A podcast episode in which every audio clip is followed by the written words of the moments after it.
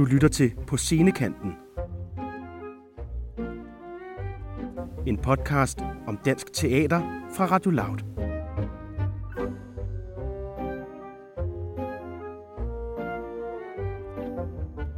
Din vært, Karen Dick. Velkommen til På Scenekanten, Radio Louds program om scenekunst. I programmet forsøger vi at blive klogere på, hvordan samfundsdebatten og de ting, der rører sig omkring os, kommer til udtryk i teater, performance, dans og alt det andet, der foregår rundt om på landets små og store scener. Jeg hedder Karen Dick, jeg er journalist og dramatiker, og jeg er jeres vært her på programmet.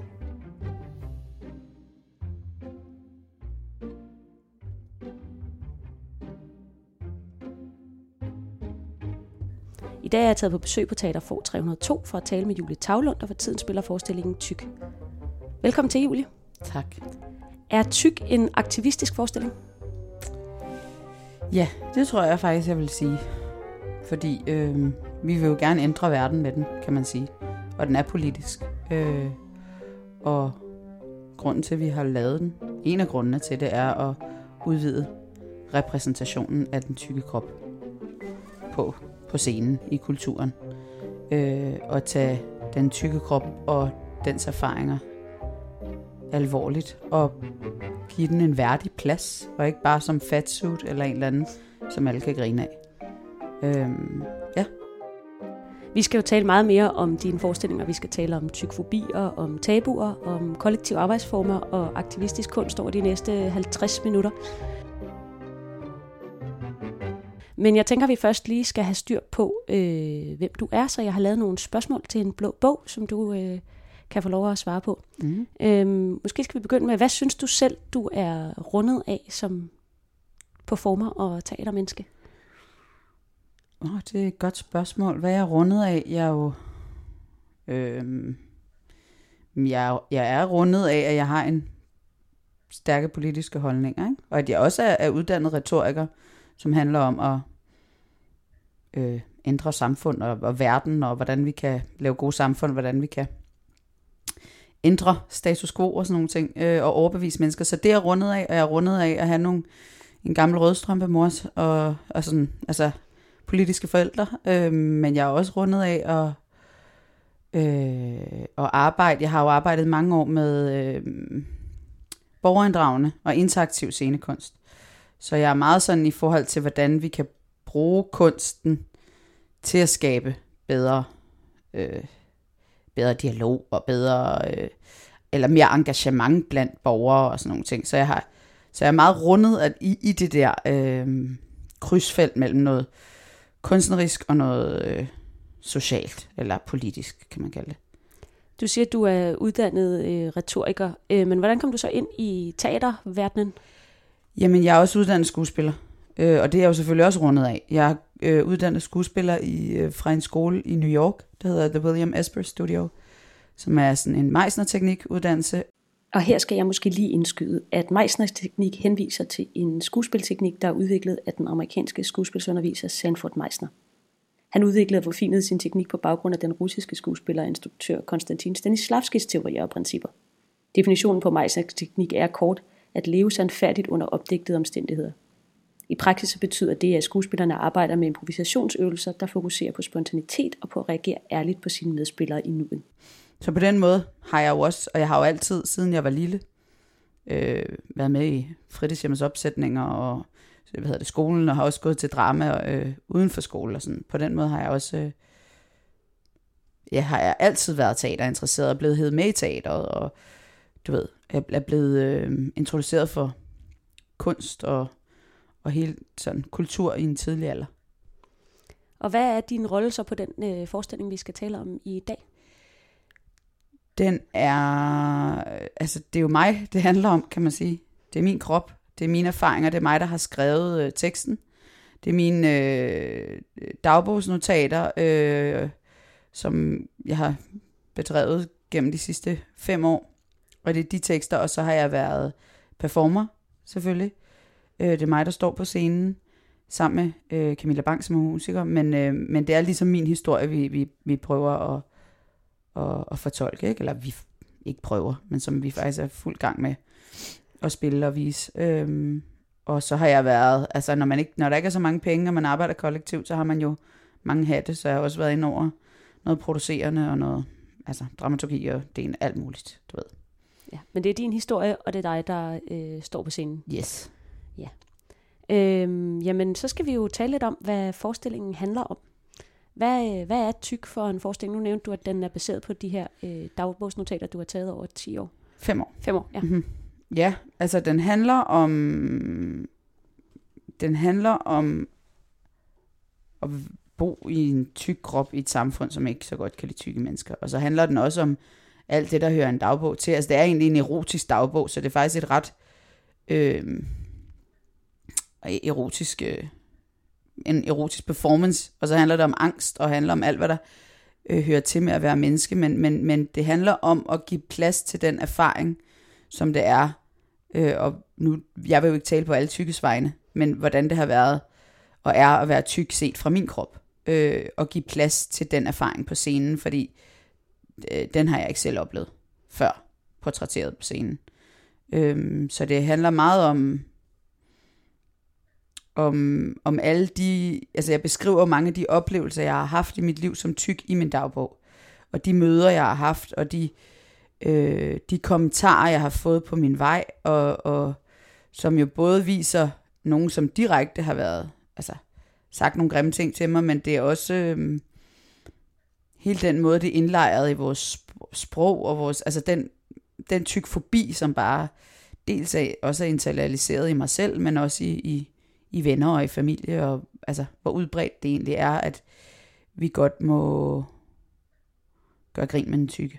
At den tykke ikke rigtig, det er den tykkes egen skyld, og det gælder ikke rigtigt. Altså den smerte, der er omkring det, man kan opleve som tyk, bliver ikke taget alvorligt, synes jeg.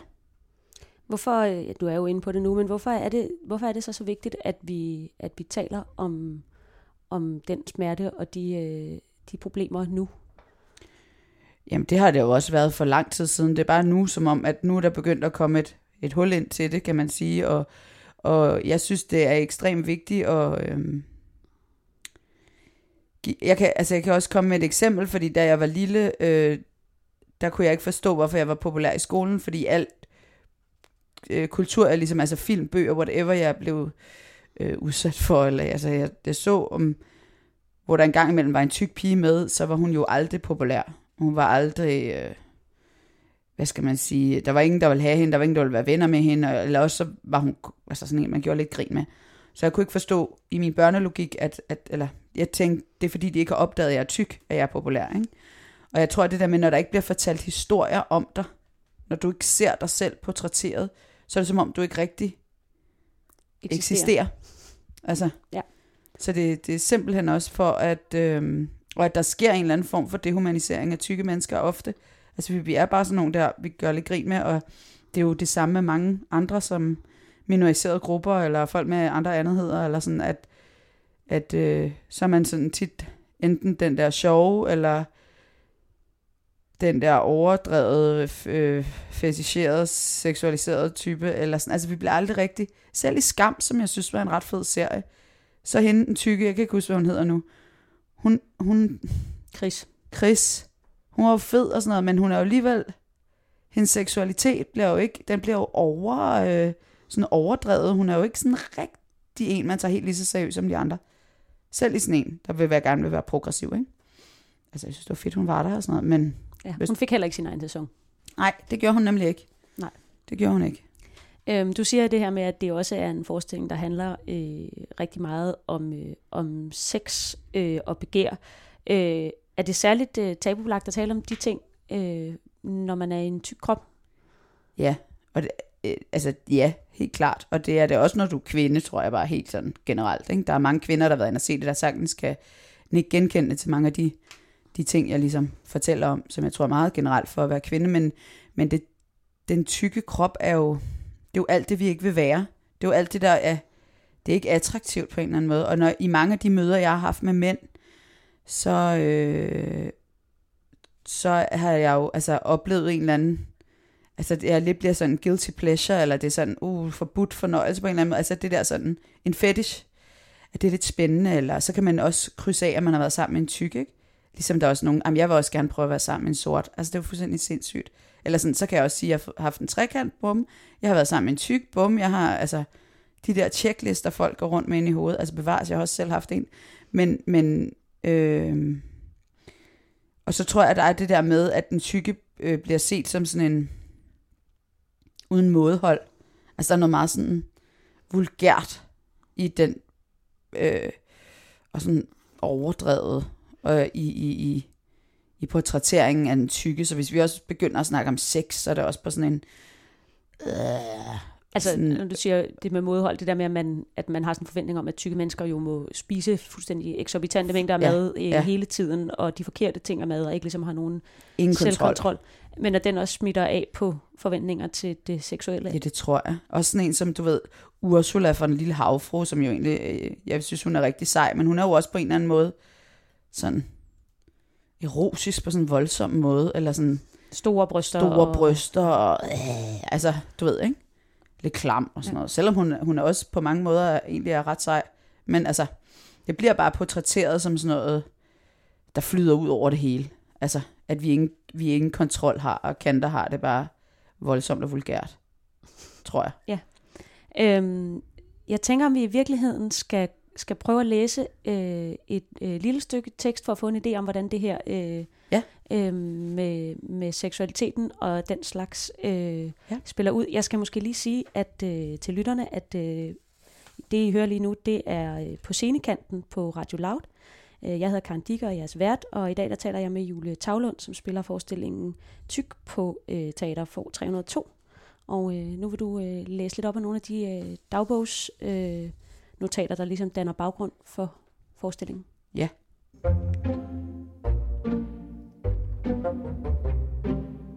7. november 2017. Jeg bollede med en ung, smuk mand i nat. Han kiggede mig i øjnene, mens han knaldede mig. Han smilede, da min fisse bød ham velkommen. Den var våd. Vådere end den har været de sidste par gange med Joe. Hans fingre skøjtede på mine læber som vandrutsjebanen i Forop Sommerland. Den der træstamme, som får det hele til at sprøjte og alle til at skrige. Men jeg skreg ikke. Jeg var i mit hoved. Hoved, fisse, hoved, fisse, hoved, fisse. Overgivelsen var for svær at fange. Jeg følte mig tyk, begæret, tyk, begæret. Ikke tyk og begæret. Ja, Vil du have den? øh, ja, tag lige den næste også. Der kan jeg ikke finde ud af, hvad for en dato er, men øh, den tager jeg. Jeg har altid samlet på mandetrofæer, ligesom andre samler på bilkort eller magic cards. Dem har jeg også samlet på. Se verden, tykke mig kan score smukke mænd. Ja, den taler jo meget fint med, med den forrige, som begynder med at... Det var en ung, smuk mand. Ja.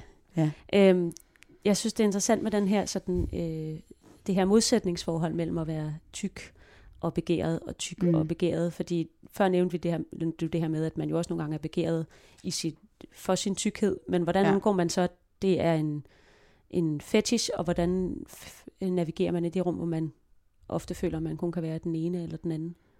Jeg ved det ikke. Jeg er stadigvæk ved at finde ud af det, tror jeg. Altså, jeg kan bedre og bedre, min sådan detektor for det er blevet meget skarpere over årene, men, men jeg har tænkt meget over det, fordi det er jo, et, øh, det er jo også det der med, jeg har jo aldrig set en tyk krop blive været genstand for begær på en, på en smuk måde, eller på en værdig måde. Det har, altså, det, det har jeg jo aldrig set. Så, så det er jo også gået op for mig, hvordan fanden skal jeg så forestille mig, altså putte det begær ind i min egen tykke krop. Jeg har aldrig, altså jeg har simpelthen, jo, så er der sådan noget øh, lidt kunst fra gamle dage, måske med nogle lidt større kvinder eller et eller andet, men, men sådan i mainstream kultur har jeg aldrig set det sådan. Og så, jo, så, sådan, så kan det være på sådan nogle pornosider, hvis du er til nogle lidt underlige ting, ikke? Altså, eller whatever. Altså, så det bliver den der fetish. Jeg ved ikke, hvordan fanden... Øhm, det er blevet meget nemmere for mig i mit øh, møde med mænd, og det er også, nu går jeg også ikke kun efter at møde de smukke mænd, fordi jeg så kan bevise over for verden, at tyk, jeg tror, jeg har, hele mit liv har handlet om at skulle bevise, at øh, jeg ikke var ligesom alle andre tykke, ikke? Altså, en måde, at ingen måtte opdage, at jeg var tyk, og det gjorde de ikke, hvis jeg var sammen med nogle af de der smukke mænd, som mine øh, meget slanke, meget kønne veninder var sammen med os. Øh, så at jeg har sådan, fordi det der med, at jeg har haft de der mande trofæer, jeg har samlet på, altså jeg har jo også begyndt at stille mig selv det spørgsmål, om det er mændene på trofæhylden, om det er dem, der har gjort mig gladest, eller om det er dem udenfor. Altså dem, der ikke er trofæer. Og det er det jo nok i virkeligheden, ikke? Altså smukke mænd kan jo virkelig også være dejlige, det er slet ikke det. Men, men, øhm, men det handler også om, hvad det er, en eller anden slags vold, jeg har gjort på mig selv, for at kunne passe ind, hvis det giver mening. Ja. Og fundet mig i nogle ting, som ingen skal finde sig i, eller sådan. Nej, altså nu du taler du om det her med, med, med, med ikke at begære, altså det tykke er det modsatte af begæret, og ja. du har selv øh, de her øh, smukke mænd. Jeg tror ikke, du skriver, i hvert fald ikke i det her citat, at han er slank, men det følger jo tit ja. øh, med i den, i den forventning. Hvordan har du det selv med sådan at begære tykke eller ikke begære tykke? Øhm. Jamen i virkeligheden, så, så har jeg jo gået en bue udenom tykke øh, mennesker. Altså fordi, at man får at vide, at tykke mennesker er kun sammen med tykke mennesker. Det er kun tykke, der vil have tykke. Og det har jeg skulle modbevise. Så jeg har aldrig stillet mig selv spørgsmål, om jeg var tiltrukket af en tyk. Og i virkeligheden så elsker jeg en mave, altså på en mand. Øh, altså det, det, det er noget af det bedste, jeg ved. Så, øh, og jeg tror faktisk, det er det der arbejde, som rigtig få af os faktisk går ind og gør, og stiller spørgsmålstegn med, hvorfor er det, at vi bliver tiltrukket af det og det og det. Der er mange, der tænker, jamen det er bare fordi, sådan er jeg, jeg har bare, har bare de her tilbøjeligheder til at øh, være tiltrukket af det. Nej, det er overhovedet ikke bare noget, der er født ind i dig. Det bliver du fodret med alle steder, du kigger hen hele tiden. Så jeg tror også, det er det der med, at vi bliver bedt om at kigge til højre hele tiden. Kig til højre, kig til højre, kig til højre. Så det der med faktisk at begynde at kigge til venstre, nu ved jeg ikke, om det her giver mening, det jeg siger, det, er sådan, altså vi har hold i nakken, fordi vi, vi bliver peget i en retning af, hvad der er øh, øh, attraktivt, og hvad der er det, vi vil være hele tiden, også på grund af alt muligt kapitalisme og det ene og det andet, og hvad kan vi tjene penge på, så bliver vi bare peget i en retning hele tiden, som gør, at vi, altså, vi skal gøre noget aktivt for at begynde at, øh, at udvide vores, eget, vores egen måde at kigge på verden på, og også i og med, hvem man, man er tiltrukket af. Ikke? Altså, og, ja og der er du så øh, skrevet dagbog og øh, ja. lavet den her øh, forestilling, måske også for at få et sprog til at tale om, om tykkhed og om, om den øh, hvad skal man sige, udgrænsning eller marginalisering, du, øh, du påpeger, der ligger i det. Og det ved jeg, at du også har skrevet et, øh, et par indlæg om ja. i, øh, i det her. Øhm, ja, de her, det er måske de to der, ikke? De to. Ja. Det kan vi godt. Men det er 100% for at få mig et sprog. Øhm, jeg er lidt i tvivl om de her datoer i virkeligheden. Øhm, 21. november 2016. Måske. Jeg, måske. Jeg var inde og se i scenesættelsen, i scenesættelsen af Kasper Eriks digtsamling Nike. Han har et handicap. Jeg forstod ham. Jeg har på en måde også et handicap. Men det er et selvforskyldt handicap. Sådan et, man godt må vemmes ved offentligt. Sådan et, man skal skamme sig over. Sådan et, alle føler sig kloge på. Sådan et, der skaber harper og opstandelse i kommentarspor på Facebook. Nu har jeg købt digtsamlingen.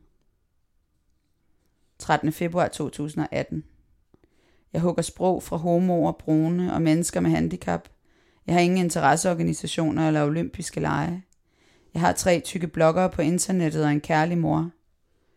Hvordan råber man, når man ikke har et sprog? Tak. Så, ja. Øh, ja, det var, jeg har øh, bedt om at læse de her, fordi de jo netop handler om at finde øh, øh, det sprog. Synes du, du er, øh, har fundet det, eller i hvert fald ved at finde det? Jeg er ved at finde det. Øh, jeg er ved at finde det, og jeg er jo også ved at... Altså, jeg føler jo, at denne her performance er et råb. Altså, det, det, det er her, jeg har fundet sproget. Og det er også altså, igennem... Øh, det er igennem det der med at skrive dagbog, at jeg lige pludselig... Altså, det var meget famlende, men det er jo der, at jeg lige pludselig begyndte at kunne sætte ord på alle de oplevelser, jeg har haft, og det kunne give mig et sprog. Og så det der med også at orientere mig hos andre øh, grupper og låne sprog for dem, har jo også hjulpet helt vildt meget, og så fundet ud af, gud, der er jo alle de her andre tykke aktivister, som har, har lavet en hel masse arbejde også, som lige pludselig siger nogle ting, som, som er det, jeg prøvede at sige også. Så jeg, jeg vil sige, at det har, øh, det har været en lang proces, men jeg er ved at, altså jeg er ikke i hus endnu, jeg, der er jo, det, er jo, det er jo et helt, øh, hvad skal man sige, et helt liv, jeg har levet i skabet, så det er jo også at finde ud af, hvordan man lever uden for det skab på en eller anden måde og taler om det. Men, øh, men jeg føler, jeg er ved at være der. Jeg føler med den her performance, at, at det er min måde at råbe på. Det er mit sprog, hvis det giver mening. Det synes jeg, det gør. Skal vi øh, tage en øh, enkelt øh, oplæsning mere for at høre øh, Ja. det sprog? –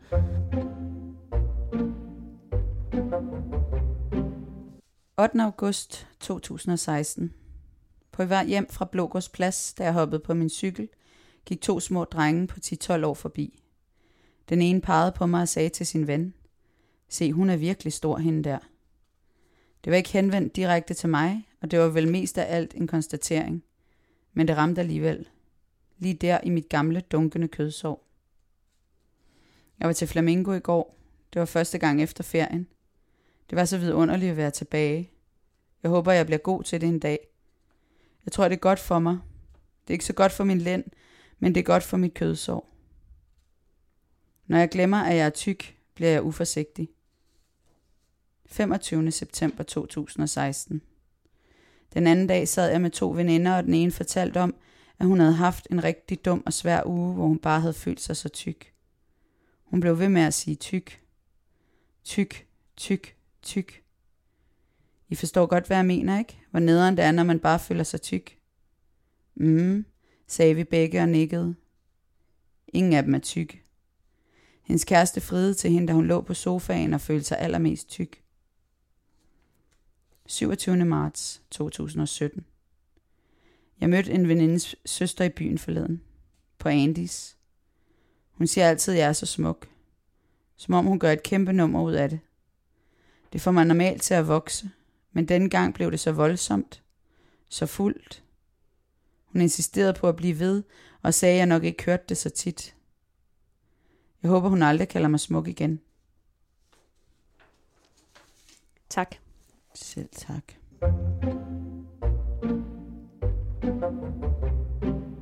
I øh, lytter til på scenekanten på Radio Loud, og det I lige hørte, det var performer Julie Tavlund, der læste fra øh, forestillingen Tyk, som spiller på for 302. Og mit navn er Karen Dick, og jeg er jeres vært i dag.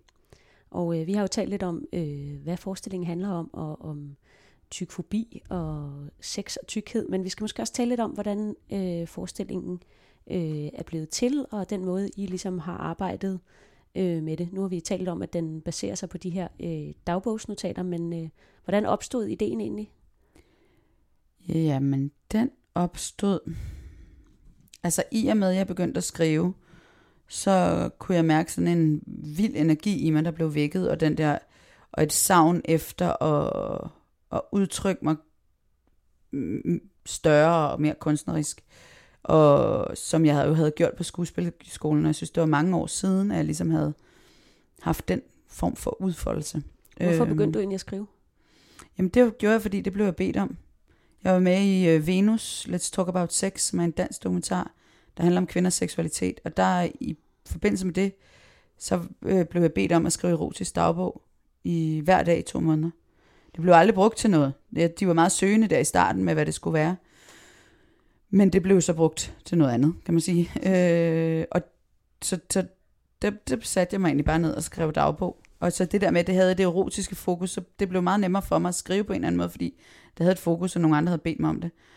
Og så øh, var det som om, at det bare vækkede et eller andet, der havde sovet i rigtig lang tid. Øh, fordi det er jo, når du så også skriver om erotik, så bliver du nødt til at forholde dig til din krop, fordi den er en del af erotik for det meste, øh, hvis ikke altid. Øh, og så, så, så var det som om, at der blev vækket et eller andet helt vanvittigt i, i mig. Jeg kunne ikke sove. Jeg kaldte det min djævleenergi. Altså det var som om, jeg havde champagne i blodet, der sådan bobler. Altså det var, der var noget, der skulle ud. Altså jeg skulle, det, jeg skulle råbe. Jeg kunne, fordi lige pludselig kom alle de her gamle, altså dem, nogle af det, jeg har læst op, det var også registreringer af ting, jeg har oplevet, som jo ikke kun er erotiske, men som er alt muligt. Ikke? Det begyndte ligesom at komme med. Øhm, og så var jeg sådan, der skal sgu da laves kunst ud af den her krop, eller der skal et eller andet, og så være meget søgende, om det skulle være skulptur, om det skulle være det, du det, dat, og hvad det eller, og jeg havde også øh, en, der hedder Tit Wittfeldt, hun var min sådan skrivekonsulent, jeg ligesom skrev alting til, og hun hjalp mig med også at faktisk få øje på de ting, jeg selv skrev. Altså at hjælpe mig med at se. Det, altså sådan, det der med at få nogle andre øjne på, og det ene og det andet, så Mm, har været ude i alle mulige ting, og så mødte jeg vores dramatur, Astrid Hansen Holm, og vi begyndte at snakke om det, og hun øh, blev egentlig også pisse sur. Altså hun kender mange af de samme følelser, øh, som jeg havde omkring det her projekt, og så øh, var vi sådan, om vi ikke skulle drikke en kop kaffe. Og så, jo, lad os da bare ringe ved, og så var det sådan, hey, skal vi egentlig ikke bare have den kaffe nu? Og så øh, gik det ret stærkt med at øh, søge nogle penge fra Bikum til at i første øh, omgang og bare få lov at, altså udviklingspenge, prøve at udvikle, hvordan, hallo, hvad sker der, hvis vi putter en tyk krop på scenen, og hvordan bevæger en tyk sig, hvordan er en, hvad er en tyk lyd, hvad, altså det der med at undersøge den tykke renset for alle de klichéer, der findes, og ikke sat i forhold til, og ikke puttet ind i en eller anden mangte, eller hvad hedder det, mangfoldighedshistorie. Hov, vi skal også huske den tykke, vi skal også huske den brune, altså en eller anden Benetton-reklame, men det der med virkelig sådan bare at kigge på, og prøve at undersøge den tykke krop og dens erfaringer, som er så min tykke krop og mine erfaringer på en, på en værdig måde. Øh, og så det ene tog det andet, og så øh, fik vi stablet et øh, kollektiv på benene, og ja. fik nogle penge til at lave den ægte, eller hvad man siger. Ja, fordi uh, selvom du jo øh, øh, er alene på scenen sammen med en, med en musiker, så er forestillingen jo skabt af det, I kalder performance-kollektivet Ruby Gamache. Ja. Ja. Øh, hvem, hvem er øh, Ruby Gamache? Det er mig, øh, og så Astrid Hansen Holm, jeg snakkede om, som er dramatur. Og når man er i kollektiv, og ja, ikke har så mange penge, eller så har man mange hatte. Hun har også været medinstruktør og producent og afvikler og sådan noget. Øhm, og så har vi Petra Adlerbert Vik, som er øh, instruktør, og Gunilla Lind, som er koreograf, og Anna Gammelgaard, som er scenograf og kostymdesigner, og grafisk designer har hun også været på det her, og øhm, Camilla Bang, som er musiker og komponist. Så vi er sådan seks kvinder med forskellige øh, fagligheder, som har skulle øh, sammen fortolke øh, min historie og give den liv på en eller anden måde. Ikke? Ja. Hvordan øh, arbejder I øh, så sammen som Jamen, øh, vi arbejder sammen på den. Altså, vi har jo devicet det hele frem, kan man sige. Eller vi har ligesom været... Altså, alle har været i rummet fra start af. Og det, her, det der med, at det ikke bare er, at vi har... Altså, har vi, mig og dramaturen, eller mig og instruktøren, eller whatever, lige lavet nogle scener, og så giver vi den videre til komponisten, som så, kan du lave noget musik til det her, eller til scenografen, det er det her, du skal lave. Altså, men at vi har faktisk øh, haft alle i spil, øh, fra start, så det vil sige, at okay, vi har den her tekst, og så kommer Camilla måske og siger, okay, kunne man spille det her musik til, og så Gunilla, sådan, jeg synes, det kunne være fedt at have de her bevægelser på, på den her tekst, og så, altså, du ved, at øh, og scenograf ligesom har kunne være, det ville være fedt, hvis vi havde den her farve, eller altså, at vi på en eller anden måde har kunne øh, flette det sammen til et stort kollektivt værk fra, øh, fra start af. Det har givet Altså det har været en af de fedeste arbejdsprocesser, jeg nogensinde har lavet. Der var slet ikke et, og det der med, at man, der ikke var en, der havde den, eller sådan alle har følt sig meget, øhm, altså kan de også lige, okay, nu er det så Gunilla, koreografen der på, så kan øh, instruktøren lige øh, trække sig fem minutter og sidde, og så sige, okay, så kom tilbage ind i billedet, og det har bare betydet, den der vekselvirkning har bare givet sindssygt god energi øh, til alle, og der ikke er nogen, der følt, at de bare skal, skal have den helt selv og vide det. Det er bare, jeg, altså for mig at se, så tror jeg, folk er blevet lidt mere modige i det der samarbejde, vi har haft. Og det har ikke, der har ikke været nogen tvivl om, at alle har haft nogle, hver deres fagligheder, som der har været enormt meget respekt omkring, øhm, og som meget plads til. Men det har virkelig føltes som om, okay, vi har siddet og flettet sammen fra start af. Frit, frit flet. Frit flet, ja. fuldstændig. Fordi jeg vil jo spørge, hvad, hvad I fik ud af at arbejde på den måde, men det er jo ret tydeligt, altså at de også kan, som du siger, alle respekterer hinandens fagligheder, men man måske ja. også kan byde ind på øh, med, med lidt, øh, altså fordi man ikke står alene med lyset, eller alene med koreografien, eller alene med mm. teksten, at man på den måde kan, kan, kan byde ind på hinandens... Øh... Alle har, ja, jamen det, altså det er selv om, altså øh, scenografen har også skulle sige, jeg, jeg synes, den her bevægelse vil være vildt flot. Kan vi få noget, altså en åben krop på en eller anden måde, som så har kunne, Gunilla har kunne svare på, eller øh, altså der har været sådan, det er som om, at øh, det har været en ekstrem stor legeplads med ekstremt højt til loftet, og så har det bare, altså det har ikke taget os lang tid at lave de der scener. Det har bare været, det fungerer dang, det fungerer dang, og der har bare været en eller anden, ja, vi vil i hvert fald gerne lave flere historier, fordi det har fandme fungeret øh, fedt sammen, og der har ikke været noget egopis, eller, og det har heller ikke været sådan 100% flad struktur, for det er jo også klart, at der er jo nogle ting, hvor det sådan, jamen det kommer jeg ikke til at ville sige, fordi det, det er også mig, der har haft historien på en eller anden måde, og det har der været en kæmpe respekt omkring, at jeg skulle føle mig øh, Repræsenteret. repræsenteret og tryg, samtidig med, at jeg også er blevet udfordret lidt, fordi jeg har en lyserød dragt på, og i starten var jeg sådan, det får jeg mig ikke ned i. Altså sådan nøgensuit-agtigt. Jamen, det er ikke en nøgensut, det er mere sådan lidt en balletdragt -agtig. Okay. Men, øhm, men bare det, at det er så stramt jo i forvejen, ikke? men det var jo også sådan, hey, det handler jo også om, at det er min krop, vi putter på scenen. At det er en tyk krop, så du kan ikke prøve at putte dig ned i et eller andet korset. Altså, Nej, ikke det, det handler skal om. kunne se den, ja. så, så på den måde har det jo været en, har de jo også skulle trykke. Altså, de har i hvert fald hjulpet mig til at øh, være modigere, tror jeg, end hvis jeg bare selv havde gjort det. Ja, Det øh, synes jeg er interessant. Altså nu, øh, nu siger du, at de her tekster, de stammer fra, øh, fra din dagbog, og du har også været lidt inde på, hvorfor det skulle være en, øh, at, øh, at du gerne vil lave noget kreativt med dem. Men hvorfor var det lige øh, dramatik øh, og performance? Altså hvorfor har du ikke øh, udgivet en bog, eller øh, hvad er det, du synes, at sådan scenekunsten eller performancen kan for de her tekster?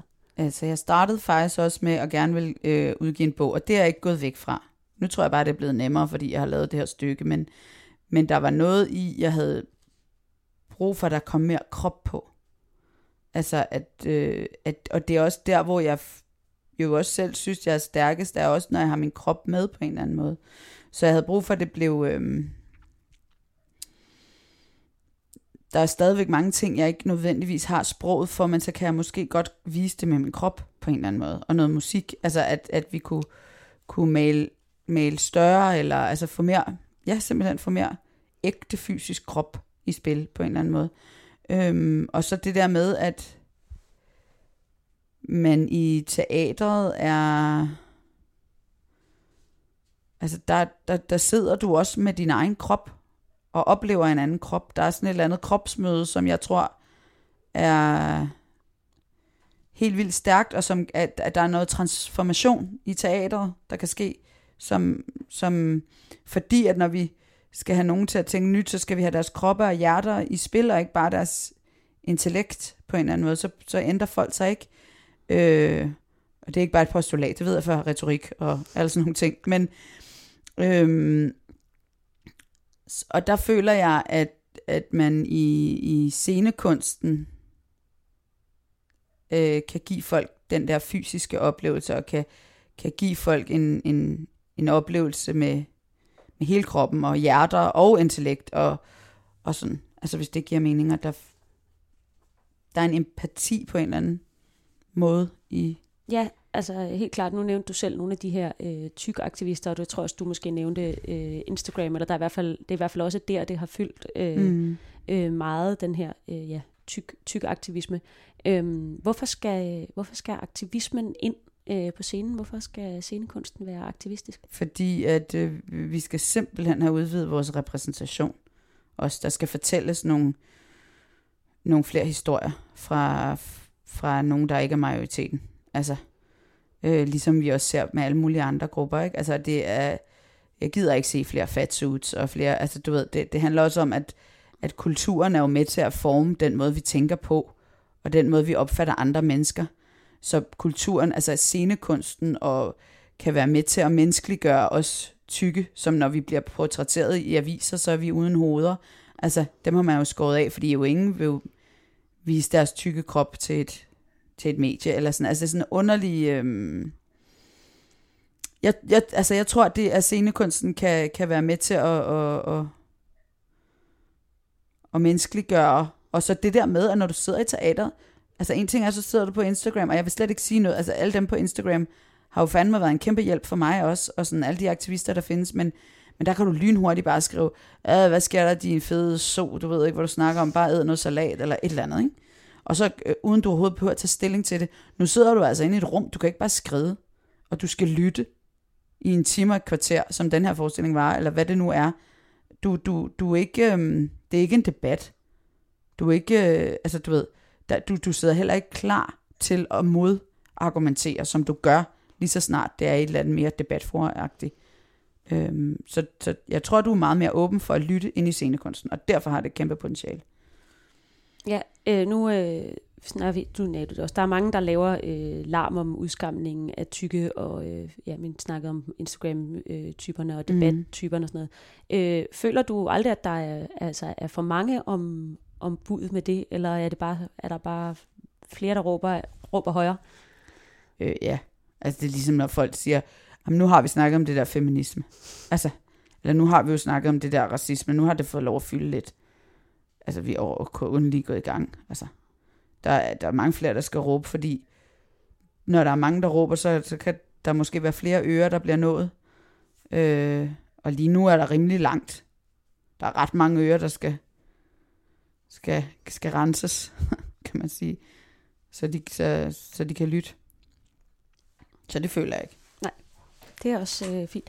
Øh, nu har du selv kaldt øh, din øh, forestilling aktivistisk, det har jeg jo også gjort nogle gange nu. Mm. Øh, altså er, er kunsten, eller scenekunsten måske i, i særdeleshed, er den altid øh, aktivistisk, eller, eller bør den måske altid være det? Åh, oh, det er jo den der store diskussion der, ikke? Altså øh, om, om kunst for kunstens skyld, og det ene og det andet. Altså, øh, det vil jeg ikke gøre mig til herre over, men, men for mig at se, så er der et kæmpe potentiale og et øh, øh, i kunsten til at ændre verden. Altså jeg tror på, at den kan gøres til bedre medborgere, og, og, og at øh, jeg føler det også lidt som et ansvar på en eller anden måde at, at råbe for den platform, jeg nu engang har. Øhm, så nogen, altså jeg kan da også godt lide at se på en rose, fordi den er smuk, eller sådan, det, du ved. Øhm, men for mig er kunsten politisk, ofte.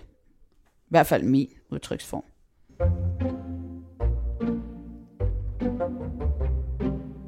Til lytterne kan jeg fortælle, at øh, vi sidder på øh, Teater for 302, og vi er øh, mig, Karen Dik, der er jeres vært, og Julie Tavlund, som er performer og spiller forestillingen Tyk i disse øjeblik. Og øh, vi taler om, øh, hvordan øh, scenekunsten øh, forholder sig til aktuelle debatter, og hvordan den er øh, politisk. Øh, hvordan synes du sådan den generelle, ikke kun med dine egne forestillinger, men også hvad du sådan ser omkring dig, at, øh, at scenekunsten i dag forholder sig til aktuelle øh, dagsordner? Altså, det, jeg synes da, det, det, det sker der mere og mere.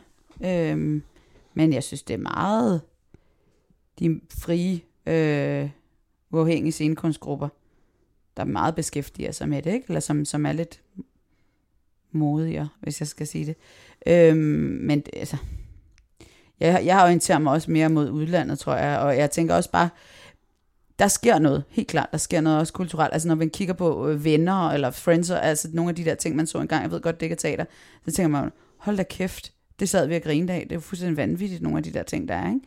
Altså så der, der sker der helt klart noget, der det er der i udvikling, men der må godt være endnu mere. Jeg så, altså. at uh, Cynthia Nixon, fra, uh, fra, som nogen kender fra, som Miranda fra Sex and City, nu havde været ude og udtale, at når man kiggede på den serie i dag, så var den de var meget hvide, og de var meget rige, og det var... Ja, øh, er lidt problematisk på mange punkter. Ja. Øh, men, men, men det er som om, at, at der er flere og flere stemmer på vej, og det, at der er andre minoriserede grupper, og andre, med, altså, som er andet gjort på en eller anden måde, de, de får plads til deres erfaringer, de giver større plads til, til, til andre grupper osv.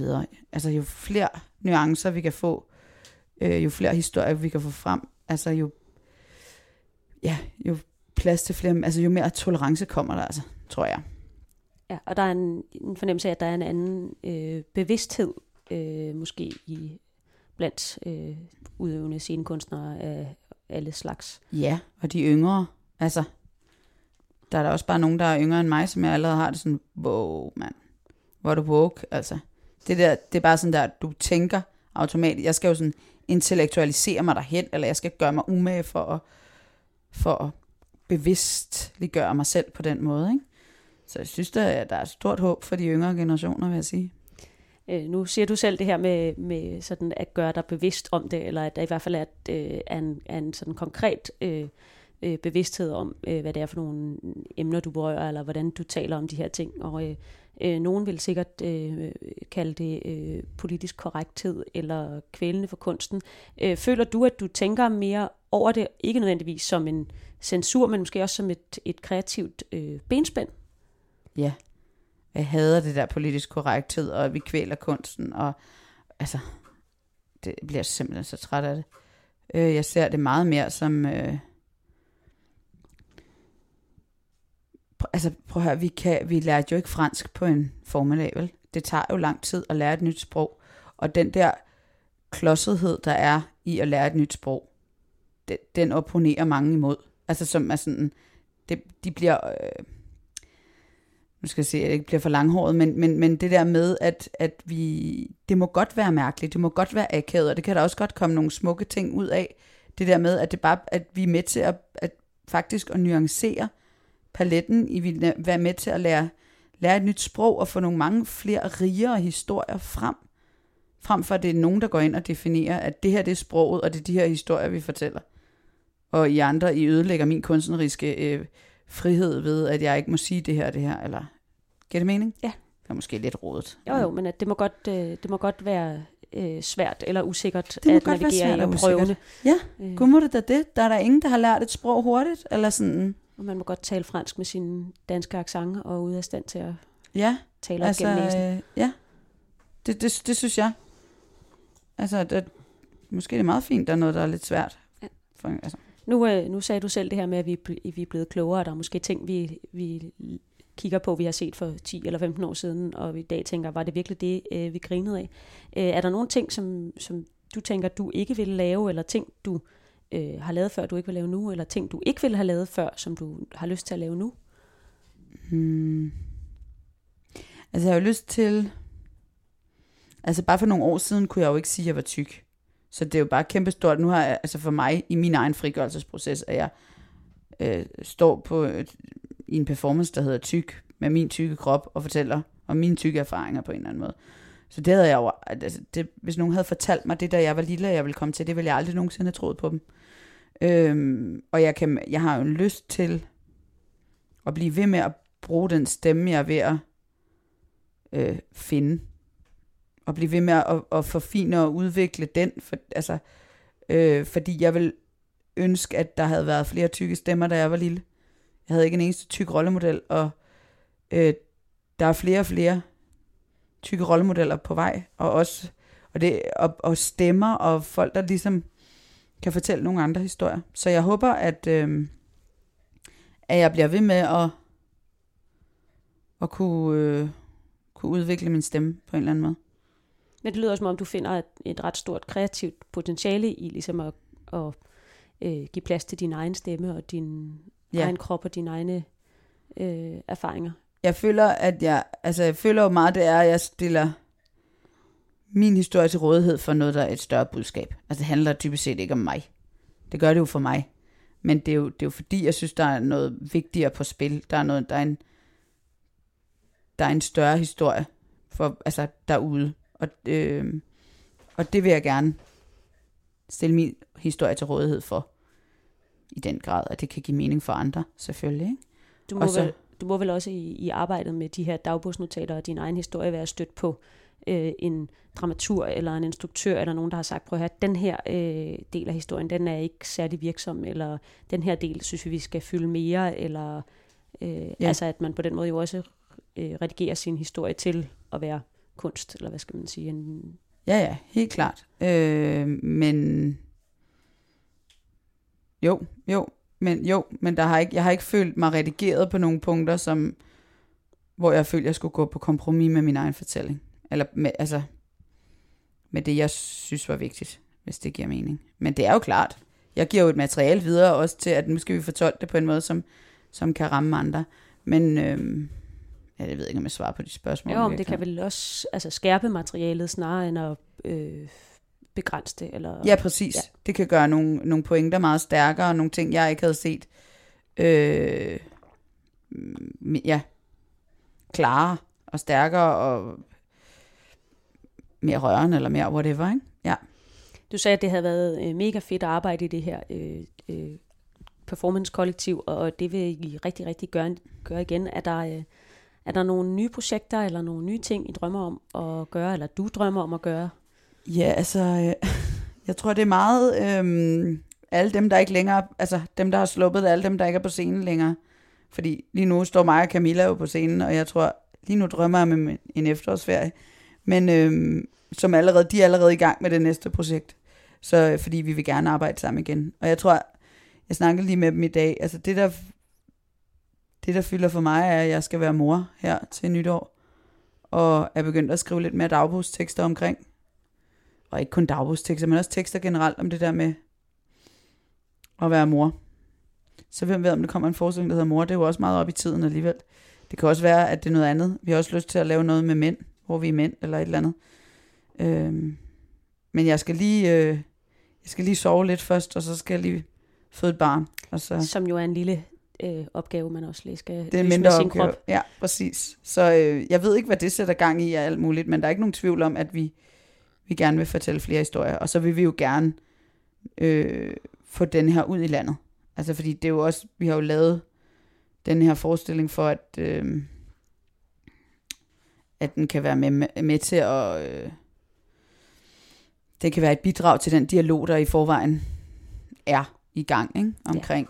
Måske skal jeg lige sige Tykkhed. til dem, der ikke er sådan øh, vant i teatermiljøet, at det er jo sådan noget med, at man skal have en masse øh, lokalteatre til at købe forestillingen, for at den kan komme og spille Yes. en aften i Svendborg, og en aften i Slagelse Ja. og Vejle og så fremdeles. Ja. Ja. Øhm, men det, øh, det er da en opfordring. Øh, her på de sidste 6-8 minutter, øh, måske skal jeg lige sige til, til lytterne, at altså, vi stadigvæk er på øh, Radio Loud øh, i programmet på Scenekanten, hvor jeg, øh, Karen Dick, taler med performer Julie Tavlund om hendes forestilling Tyk, som spiller på Teater for 302. Øhm, hvis du og jeg, Julie, vi, øh, vi mødes igen om et år, så har du øh, selvfølgelig øh, fået et barn, Ja. et smukt og velskabt barn. Det håber jeg. Øh, men, øh, men hvad håber du øh, om et år, at den her forestilling måske har rykket ved den samtale, vi har om tykke mennesker og deres kroppe, og måske også tykke mennesker og sex og begær, og nogle af de emner, vi har været omkring? Mm.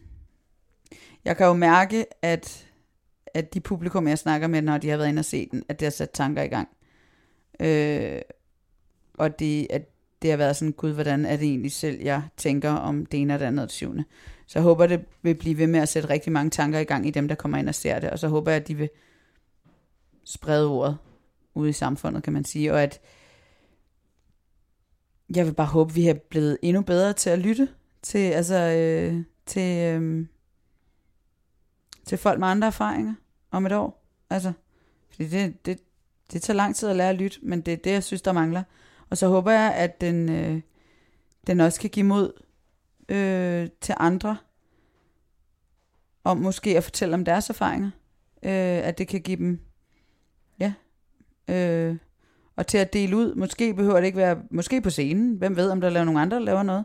Men øh, måske øh, også bare til deres familie og venner, eller at folk tør at tale om, om det der med at være tyk, fordi det er, det kan godt være meget grænseoverskridende, skal jeg hilse at sige, fra egen erfaring.